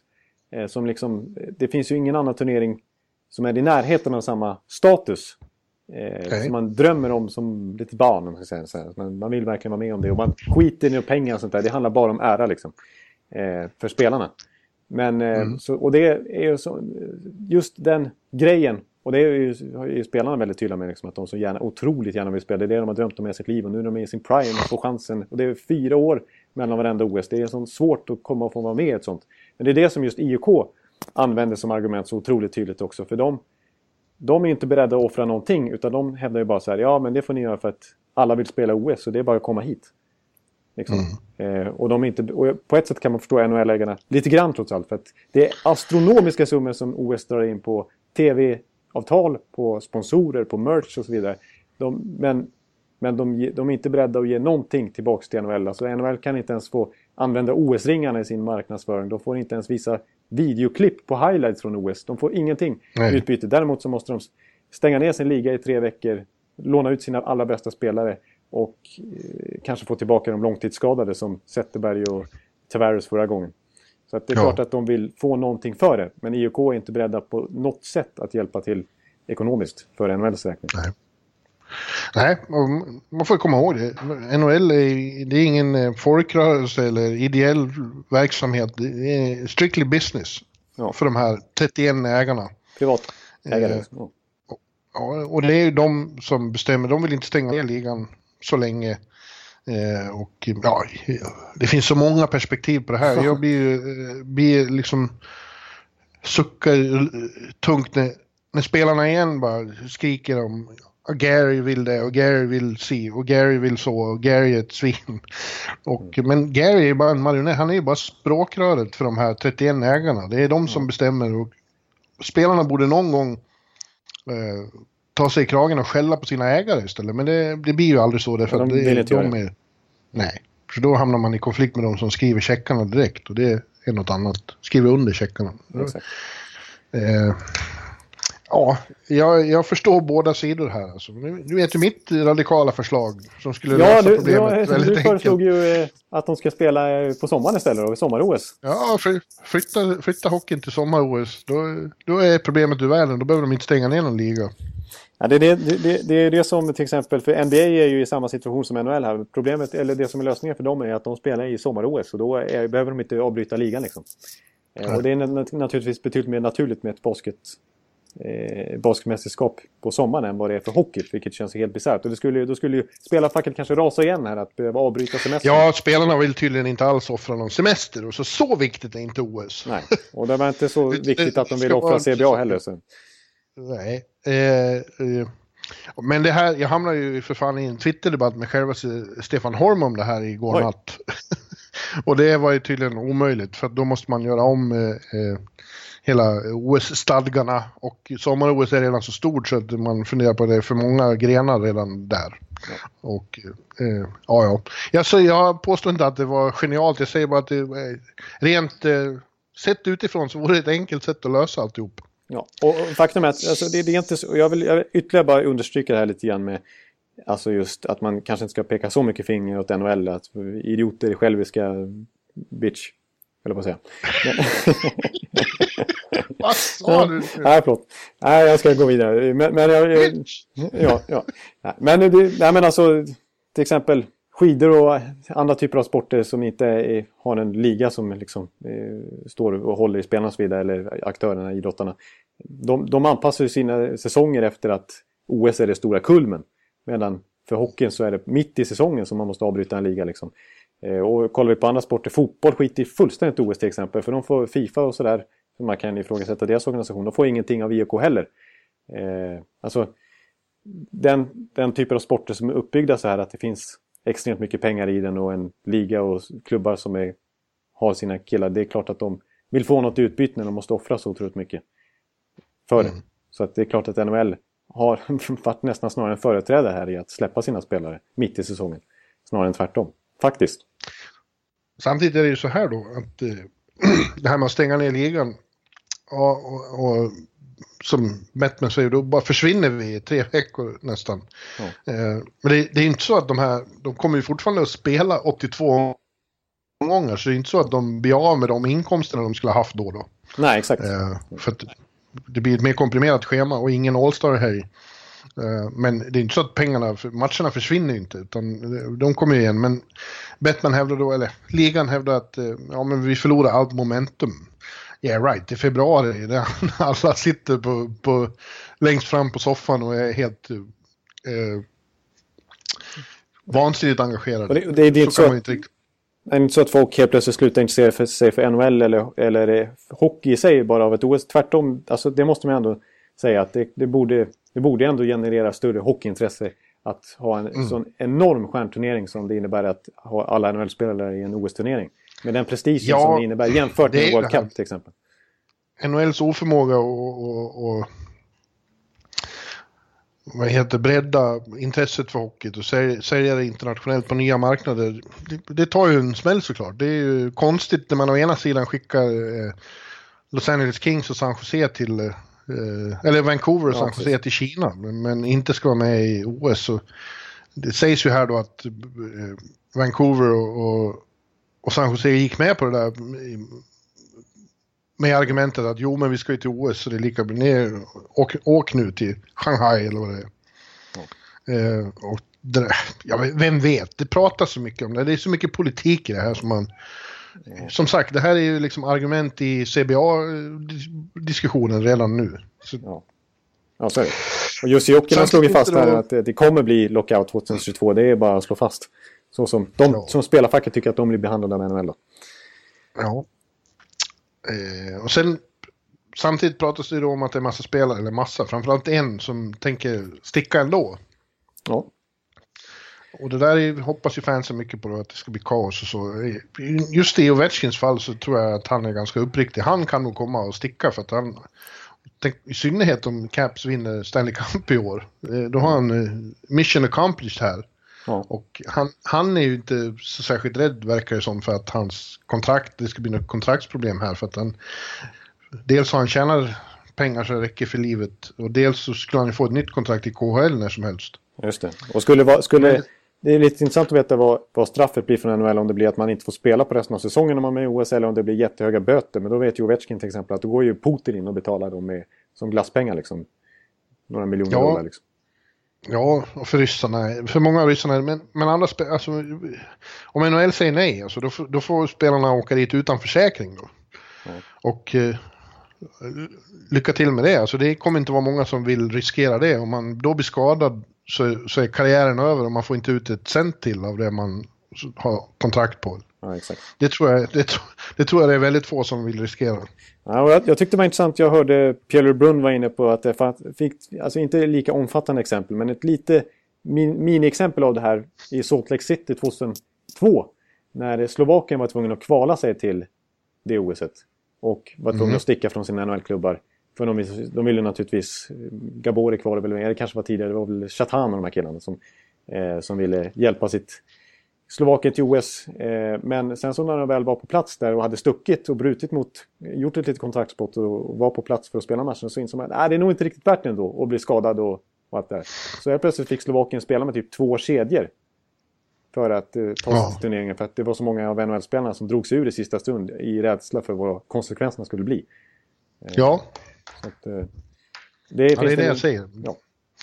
Det är det här med försäkringarna. Liksom om, om, om NHL tar beslutet så på något sätt blir spelarna försäkrade då. Så skulle man bli skadad så karriären är över så kommer ändå lönen att betalas ut av försäkringsbolagen. Men det går inte att försäkra sig själv. Nej, exakt. Eller det går ju, men det är helt idiotiskt ekonomiskt. ja. Så att... Eh, jag, jag tror ju... Nej, jag tror inte det är många. Det, det, det är ryssarna som verkar. Och fram, i, i, framförallt Ovechkin som kanske kan riskera det här. Men svenskar, mm. finländare, Komarov uttalar så i Finland. Han sa att han är, han är beredd att sticka. Men han måste kolla upp med vad det innebär. För han vill inte ta för stora ja. risker. Men, men han, han, han är så extremt angelägen om att spela turneringen att han skulle kunna sticka från sin klubb mitt säsongen. Men som sagt. Ja. ja. Ja, jag tror som vissa spelare. Allt är, sista ordet är inte sagt. Det, som jag förstod det så i Sochi 2014 så togs beslutet först slutgiltiga beslutet togs i juli va? Ja, ja 2013. det var juni. Ja, det var i alla fall på sommaren. Att, ja, och det finns ju, alltså för man säger schemat måste ju göras, men tydligen så har de ju De har redan scheman. upparbetat två parallella scheman, vad det verkar. Ja. Fan, jobbigt för de som håller på med schemat. Ja, de får jobba hårt. Fruktansvärt det var svårt det måste vara, men det är. Ja. Men som sagt, ja, ja Men, men eh, Ja, René Faselle som ju är IHFs eh, boss. Han har ju öppnat också för att han tror inte att det här är över förrän i slutet av april åtminstone. Då har de satt sin deadline och han, bara för det här beskedet från NHL kommer nu. Fasell! Ja, ja. Eller Fassel, ja uttalet är ju högst tveksamt. Fassel heter han! Ja, ja, Fasaner på stan tänker jag på nu. Ett gammalt eh, Killinggänget-sketch. René Fasan har, har, har, i alla fall, verkar inte ha stängt butiken än. Och faktum är att IOF har ju, har ju sedan länge erbjudit sig att betala alla omkostnader när det kommer till försäkringar och sådär. Men det vill, NHL vill ju verkligen att IOK ska göra det för att de, det är de som drar in alla pengar och de ska stå för den typen av kostnader. De vill inte att IOF ska offra öronmärkta pengar som ska gå till hockeyutveckling i respektive land ska gå till att försäkra NHL-spelare. Liksom. Jag tycker de att det är IOKs uppdrag. Jag törs inte, jag törs inte eh, diskutera det längre. Det kommer höjdhoppare och, och, och säga att jag har fel. Ja, just det. Det, det, det, är för stora... Det är för, stor, det är för mycket på spel. Ja. ja, ja. Ja, men du Jonte, vi får se. Vi får se vad som händer om vi får se Sydkorea eller inte. Ja, exakt. Jag, ja. Tror, jag tror inte på det. Nej. Nej. det blir LG Hockey Games eh, upphottat i Pyeongchang istället. Ja. ja. Nej, men... Eh, du, mm? du vill ju sammanfatta grundserien nu genom att prata vilka svenskar som har gjort det bra och du vill göra det genom det lite underliga greppet att ta ut en OS-trupp. Om de nu skulle åka till OS så vill du se de svenskar som har haft den bästa säsongen här i, i år. Ja, det är exakt. Det kan tyckas lite konstigt, men jag tycker det är lite intressant och att vi just idag, utifrån, baserat på den här säsongen, inte på hur kanske bra de är i februari nästa år när det väl är OS, utan om vi säger att vi skulle ta ut ett OS-lag idag utifrån den här säsongen, sista grundserieveckan nu. Vilka skulle komma ja. med då? hur stor skillnad är det mot World Cup som var inför säsongen? Och det är jag, pro jag protesterar ju lite mot det här. Jag förstår inte riktigt. De har just kommit med beskedet att det inte blir något OS. Då vill Jonathan Ekelid ta ut en OS-trupp. Men ja. jag är så snäll så jag låter dig leka då. Och jag är konstig så att jag eh, kommer med sådana ja, Det ska gudarna veta. Ja. ja. Så att eh, det är så, eh, så det, gått till, det är så vi har kommit fram till det här. Eller jag har kommit fram till i alla fall. Kan du, kan du förklara för lyssnarna här under en minut själv medan jag går och hämtar lite mer kaffe? Ja. Ja, jag kan... Förklara ditt upplägg för lyssnarna. Börja inte med laget. Nej, det blir konstigt. Då måste du vara med. Ja, Kommer nej. snart. Ja, jag har helt enkelt tagit ut ett lag eh, av spelare utifrån den här säsongen. Och det är ju naturligtvis då eh, ja, ett... Eh, och satt ihop dem i kedjor också. Fyra kedjor, tre backpar och tre keeprar. Precis som en, en vanlig trupp i uppbyggd World Cup OS-trupp. Då ska det vara några extra spel också, men det har jag struntat i faktiskt nu. Eh, och jag är noga med så här att eh, centra ska vara centrar, vänsterforwards känns vänsterforwards. Eh, högerfattade backar ska spela eh, på högersidan. Hej, jag är tillbaks! Jag är ja. tillbaks! Ja, jag har dragit lite premiss här. Det här är på riktigt som om jag skulle vara förbundskapten. Ja. Ja, ja. Ja, men kör då Rickard Ekeliv. Popovic. Ja, just det. Popovic, ja. ja. Nej, men eh, mitt lag eh, ser ut som följer. Jag börjar med forwards. Eller ska vi... Forwards är nästan mest intressant, så vi börjar med målvakter ja. istället. Ja. Eh, vi jobbar oss åt det, från det hållet. Och tyvärr så är målvaktsserien inte så intressant, för jag tycker efter till och med den här säsongen har varit så tycker jag att man står fast vid samma målvaktstrio som var i World Cup. Och det är Henke Lundqvist är fortfarande första keeper och sen så står det mellan Lener och Markström vem som är backup där. Och det kanske att Lener har tagit den spaden från Markström. Mm. Ja, kanske, men ja. ja. Jag håller med om det, men jag tycker ju även att Eddie borde ja, borde vara med i diskussionen om inte annat för att driva upp det goda humöret i truppen och servera lite tacos åt dem. Du har ju ätit Eddies tacos ja, du vet ju det. det är ju otroligt viktigt eh, naturligtvis eh, för lagmoralen att ha Eddie Leck med på det viset. Och de tacosarna som pregame meal Naturligtvis. Nej, det är klart att och Eddie Leck, så som han spelar sista månaden i alla fall, efter utskällningen kan vi säga, eh, så mm. var det en helt annan Eddie Leck. Den här Eddie Leck som hoppades få se Carolina när de bytte till sig honom och eh, hade, ändå skrev tvåårskontrakt och så vidare. Man trodde mycket på Eddie. Så att, mm.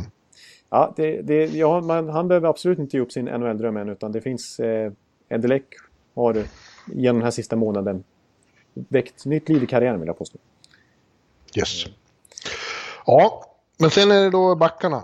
Och eh, ja. innan du säger vad du ska säga så säger jag att i princip samma backuppsättning som i i World Cup borde det vara igen. Möjligen med att man vill få in Klingberg på något sätt också. Eller möjligen, ja. man, vill få, man vill få in Klingberg på något sätt också. Ja, och jag har försökt få in han här faktiskt. Jag har till och med fått in han. Eh, sen, oj, oj. Sen, sen, kan man... Eh, Vem har du tagit bort då? Ja, jag har faktiskt eh, utifrån den här säsongen baserat. Nu tycker jag han gjort en bra säsong och anledningen till att han inte har samma poängdistribution det beror på att han inte fått spela powerplay när Steven Stamkos varit skadad. Jag har tagit bort Anton Strålman. Ja, ja jag, jag, jag tänkte just säga det om det är någon som i kön då som måste bort så är det väl Anton av dem. Jag, Lindholm måste ju vara med. Jag har faktiskt tagit, utifrån de här sex backarna så har jag faktiskt tagit bort Ekholm också som däremot har gjort en bra säsong i Nashville i år igen och spelar ju ja, 23-24 minuter per match och eh, väldigt bra possession-spelare och så vidare. Eh, ja, jag kan inte förstå att du tar bort honom. Nej, nej. Men, men mina backpar då, det är så här. Det, det, det, är så här. det är i alla fall. Och då här är lite, kan man tycka, det här kanske Grönborg knorrar sig lite för. Men jag sätter ihop Ekman Larsson och Erik Karlsson ihop. Mm. Eh, det är ju en lefter och en righter liksom. Och det är ju två backar som ska ha mycket speltid. Och som jag behärskar mm. tvåvägsspelet väldigt bra båda två. Återigen tror du att Grönborg lyssnar på det här och ja. tar intryck av ja, precis. Och nu bestämmer sig att ja, så här ska vi göra i den OS-truppen jag inte ska ta ut. Men, ja. ja. men eh, i alla fall, ja, jag sätter ihop dem i första backpar. Och sen så blir det då shutdown-paret då. Istället för Strålman så blir det Hjalmarsson ihop med Victor Hedman. Mm. Och Hjalmarsson är, är ju inte rightare som Strålman. Däremot så älskar han ju att spela som right-back på den högersidan i alla fall. Så jag tror att de skulle komplettera varandra otroligt bra. Och i ett, mm. eh, ett sånt här lag, Hedman har ju visat sig vara en väldigt bra shutdown-back när han får det förtroendet de senaste åren. Och eh, i det här laget med så otroligt mycket powerplay-backar så behöver inte Hedman spela powerplay. Så att eh, det här backparet skulle man kunna sätta ut mot vilken kedja som helst, säger jag. Ja. Och, och sen, sen är det Klingberg och Hampus Lindholm. Ja, precis. En rightare och en eh, leftare där också. Och Lindholm har, gör ju inte så mycket poäng, men det är ju också det är ju ännu tydligare nästan Ekholm en, en possession driver. Och eh, otroligt pålitlig i båda riktningarna. Enkla fina uppspel trygghet till Klingberg. Mm. Klingberg skulle få spela med en så bra back. Det har han, han ju aldrig fått göra i Dallas. Så att, eh, det tror jag blir bra. Och så Klingberg mm. lite backup till Erik Karlsson i PP. Jaha, men inte Viktor? Nej, då skulle jag sätta Klingberg före faktiskt. I, i, i just det här laget. Ja, ja. ja, ja. Men, jag ska men... berätta det för Anton, att du tar bort honom. ja, du ser, jag, jag, jag, jag, jag lite, precis, jag sviker ju totalt här mina Tampa-gudar. För dåligt. Men eh, till och med ett andra, alltså, jag, jag tog ut, inte så här jätteseriöst, men vi har ju Ekholm, vi har Strålman, vi har Klevbom, vi har Adam Larsson, vi har Jonas Brodin. Det finns ju, det finns ju en till backuppsättning här att ta ut nästan. Ja, det gör Sån bredd är det ju. Så Klevbom har jag blivit imponerad av i år. Ja, verkligen. Mm. Alltså, han är ju typ första back i Edmonton just nu. Är, och Adam Larsson också faktiskt. Ja, det är han. Ja. Och, ja. De spelar... och Brodin som vi, såg, som vi såg i Tampa. Popovic var så imponerad av. Ja, Brodin har tagit ett steg. Jag studsar tillbaka efter lite skador och en tung säsong i fjol och sådär. Så tycker jag Brodin mm. är den där backen man trodde att han skulle bli. Ja. ja, men nu kommer vi till det verkligt intressanta och det är forwardsidan. För där är det mer förändringar. Eh, ja. Eh, eh, jämfört med World Cup. Och jag vill säga så här på en gång. Den stora frågan är, ska bröderna Sedin vara med? Och eh, ska bröderna Sedin vara med, då ska de ju vara top 6. Ja. Och eh, det är de ju uppriktigt sagt inte längre. Nej, precis. Vi har inte pratat så extremt mycket om Sedinarna i år, men det är bara att konstatera, bara så enkelt som att se på poängproduktionen i år. Eh, de, det är ju deras klart sämsta säsonger på flera decennier, eller på att säga. Ja, men sen de var rookies i ligan, det är ju liksom, de är nere på 30-40 poäng i år. Och ja. eh, det är ju inte vi alls vana vid att se kring Sedinarna. Visst, de har... De, Desjardins har ju anpassat sig lite efter materialet i år och spelar en defensiv hockey. Och, det är inte, och han är lite mer snäll i sin usage av Sedinarna när det kommer till speltid och sådär. Men eh, de är ju inte de här killarna som slåss i toppen av poängligan längre utan det är ju till och med så att Horvet ser väl ut att vinna poängligan där och det är ju första gången då sen 90-talet någon gång som det inte är en Sedinare, en Näslund eller en Paul Boré som vinner den interna poängligan mm. i Vancouver. Det är Bo Horvet. Då. Ja. ja, de är fortfarande, jag tycker de är fortfarande eh, bra. extremt bra ibland. Eh, och eh, det är bara det att det finns konkurrens. Det finns svenskar som är ännu bättre och på väg uppåt. Och som sagt, det är det där med top 6. De ska ju, de ska ju spela i den rollen i så fall. Ja, top 6 powerplay och så. Nej, och det, det, det, är andra killar som har gått förbi. Som har faktiskt sprungit om de här senaste månaderna, sen det var World Cup. Eh, ja. Så att, mm. jag, jag drar laget. Få höra. Ja. Ja, jag, vill, jag vill bara skjuta in att mina tre första center, det är Bäckström, Wennberg och Zetterberg. Ja, nu fick jag det sagt. Nu får du ja. säga vad du vill. Ja, och då säger jag så här att första kedjan det blir Viktor Arvidsson, Niklas Bäckström och Filip Forsberg. Ja, den låter ju väl, den låter väldigt bra. Ja, det är Nashville-killarna som får hålla ihop Viktor Arvidsson. Båda, Filip Forsberg båda över 50 poäng nu. Det ser ut som att eh, Arvidsson gör över 30 mål dessutom. Eller ja, det har han gjort. Bästa, det har han blivit gjort. Det vore, det vore bästa poängtrio där. Ja, och Arvidsson med sin kontinuitet. Liksom. Ja. Mm. Mm. Och så eh, andra sidan, en riktigt ung revelation här. Alla tre, nej Raquel var ju faktiskt med i World Cup, tyvärr blev han ju sjuk då. Men, men eh, det här, är, här är fart, det här är speed, det är lite Team North America över den här serien. Raquel, Wennberg, William Nylander. Ja. Ja. En underhållande serie. Ja, det är ingen, ja, det är ingen sån här äh, Grönborg-kedja kanske när det kommer till defensivt ansvar. Men det är ju en rolig serie. Rickard, om du lyssnar, jag ber om ursäkt om min unge kollegas spydighet. Ja, ja, ja. jag får ta på mig det. Men, ja. men, här är lite mer, det här är ju däremot, här snackar vi defensivt ansvar. Jag har sett det som tredje kedja för att kanske vara lite förmildrande usage och så, här, så, att de inte behöver spela för mycket. Men de kommer vara väldigt bra när de är inne och lirar. Då är det ju Zetterberg som är center där. Eh, mm. Och så sätter jag faktiskt Sten till vänster mm. och Hörnqvist till höger. Ja, Ja, inte så dumt. Nej, Hörnqvist har ju ändå gjort en... Eh, funkar ju alltid bra eh, med bra center in till sig. Då kan han ju göra lite baljer och, och riva och slita och kämpa som en galning. Eh, mm. Och sen Sten som gått tillbaka lite i år kanske, men som har kommit igång här i, i likhet med alla St. Louis som vi varit inne på sista tiden. Ja, verkligen. Ja, precis. Det har han. Och jag tycker ändå att han fortfarande platsar i ett... och han, till skillnad från Sedinarna så kan han spela bottom 6 också utan problem. Han kan spela center, han kan spela boxplay, han kan spela point i PP till och med. Han kan ju... Det kan väl Sedinarna också? Ja, det, men... ja precis. Men, ja. Men eh, jag tycker Sten är en sån eh, allround-kille så att han, eh, han passar i fortfarande bra. Ja. Mm -hmm. och sen fjärde kedjan då. Så sätter jag en duo framförallt ihop som eh, har, ingår i varsin kedja i NHL som betraktas som de bästa shutdown-kedjorna i hela NHL. Och då blir det ju då Micke Backlund som center tillsammans med Jakob Silverberg. Eh, och sen hade jag svårt att bestämma vem jag skulle sätta med där, den sista forwarden. Och till slut så landade jag faktiskt på Marcus Johansson. Ja. Som, ja, det är inte alls orimligt. Som har satt personligt poängrekord i år och som jag tycker har tagit flera steg framåt när det kommer till att bli lite tuffare på isen. Och, men också ha kvar sina playmaking-egenskaper och är ju väldigt allround också. Och kan avancera i hierarkin om han är het. Att, mm. Du petar Kryckan, du petar Karl Hagelin, du ja. petar Gustav Nyqvist. Landeskog. Landeskog petar han också. Mm. Ja, det var hårda bud. Ja, jag petar ja. Lindholm och Rask. Jag petar Zibanejad. Jag petar... Eh, Lou Eriksson är ute nu. Eh, ja, det, för, det, det, är, ja, det är han. Så det, är, det är bra Burakovsky. Det är, det är några spännande spelare som inte kommer med. Men jag, jag, det går att argumentera med mig här och få in vissa spelare. Men jag skulle sätta ihop det mesta dynamiken i det här laget tycker jag. Så, så, så det här är mina val. Helt enkelt. Du, jag har en nyhet. Jaså? Som kom precis nu. Från Pittsburgh, från västra Pennsylvania. Chris Letang out 4 to 6 months with Oj. herniated disc. Så det blir ingen mer säsong för Chris Letang och därmed så har nog Pittsburghs eh, chanser att upprepa försämrats avsevärt. Och rubba Washington här. Som i, å andra sidan har förstärkt här med Chetnikov till exempel. utan Letang, så, utan Letang, deras nummer ett back, så kommer det inte att gå. Säger jag härmed.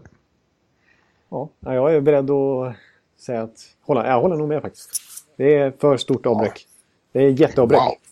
Wow. Wow, fyra till sex månader. Ja, som, som Sullivan sa för bara någon dag sedan, det är lite allvarligare än day to day. Ja, det kan man lugnt säga. Ja, det, det kan man onekligen slå fast. Och samtidigt här så vill jag skänka en tanke till Chris Letang som jag tycker har fruktansvärd otur med skador. Och han har haft stroke och han har haft hjärnskakningar och nu så är det ryggproblem. Det är... Eh, ja. ja, det är tråkigt. Ja. Nej, det, det vill sig inte fram riktigt, tyvärr. Men tillbaks till din fiktiva OS-trupp här nu. Ja. Nej, jag, jag Peter till exempel, en som verkligen har åkt ur här eh, efter en mycket tung säsong eh, i, i likhet med just det laget. Det är ju Carl Söderberg, är ju inte i närheten av truppen längre. Nej. Frågan är om Carl är aktuell för VM nu då. Jag vet inte hur de ja. ser på det. I grunden och botten tycker jag att det är en jätteskicklig spelare. Pondus, en, en minimalken i sina bästa stunder. Men han har ju inte varit i närheten av de stunderna i år. Utan hela Colorado har ju varit ett sänke liksom. Ja, ja du Jonte, nu har vi hållit på en och en halv timme. Jag måste, jag måste göra lite annat idag också. Ja, rekordpodd nästan, i alla fall den här säsongen. Ja. Jag tror inte jag har hållit på så här länge. Men ja, vi får väl, men vi har med en hel del. Och eh, nästa gång får vi se hur, hur, hur, hur, hur länge vi håller på då. Vi får försöka vara... Jag vet inte hur vi ska... Nej, det blir kul. Det blir kul då, då, ska vi, då ska vi gå igenom alla serier. Ja, serie för serie. Som väntar i första omgången. Ja, det blir spännande. Det blir kul.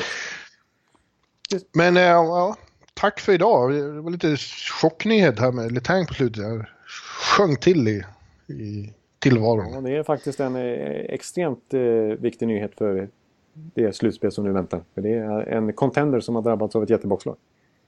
Ja. ja, men du min vän. Vi hörs på måndag eller tisdag. Ja, och alla lyssnare. Vi är eh, väl mötte då, höll jag på att säga. Ha det så gött i alla fall tills dess. Yes. Tack och hej! Hej!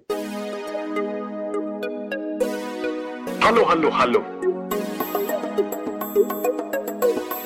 Hallå, hallå, hallå!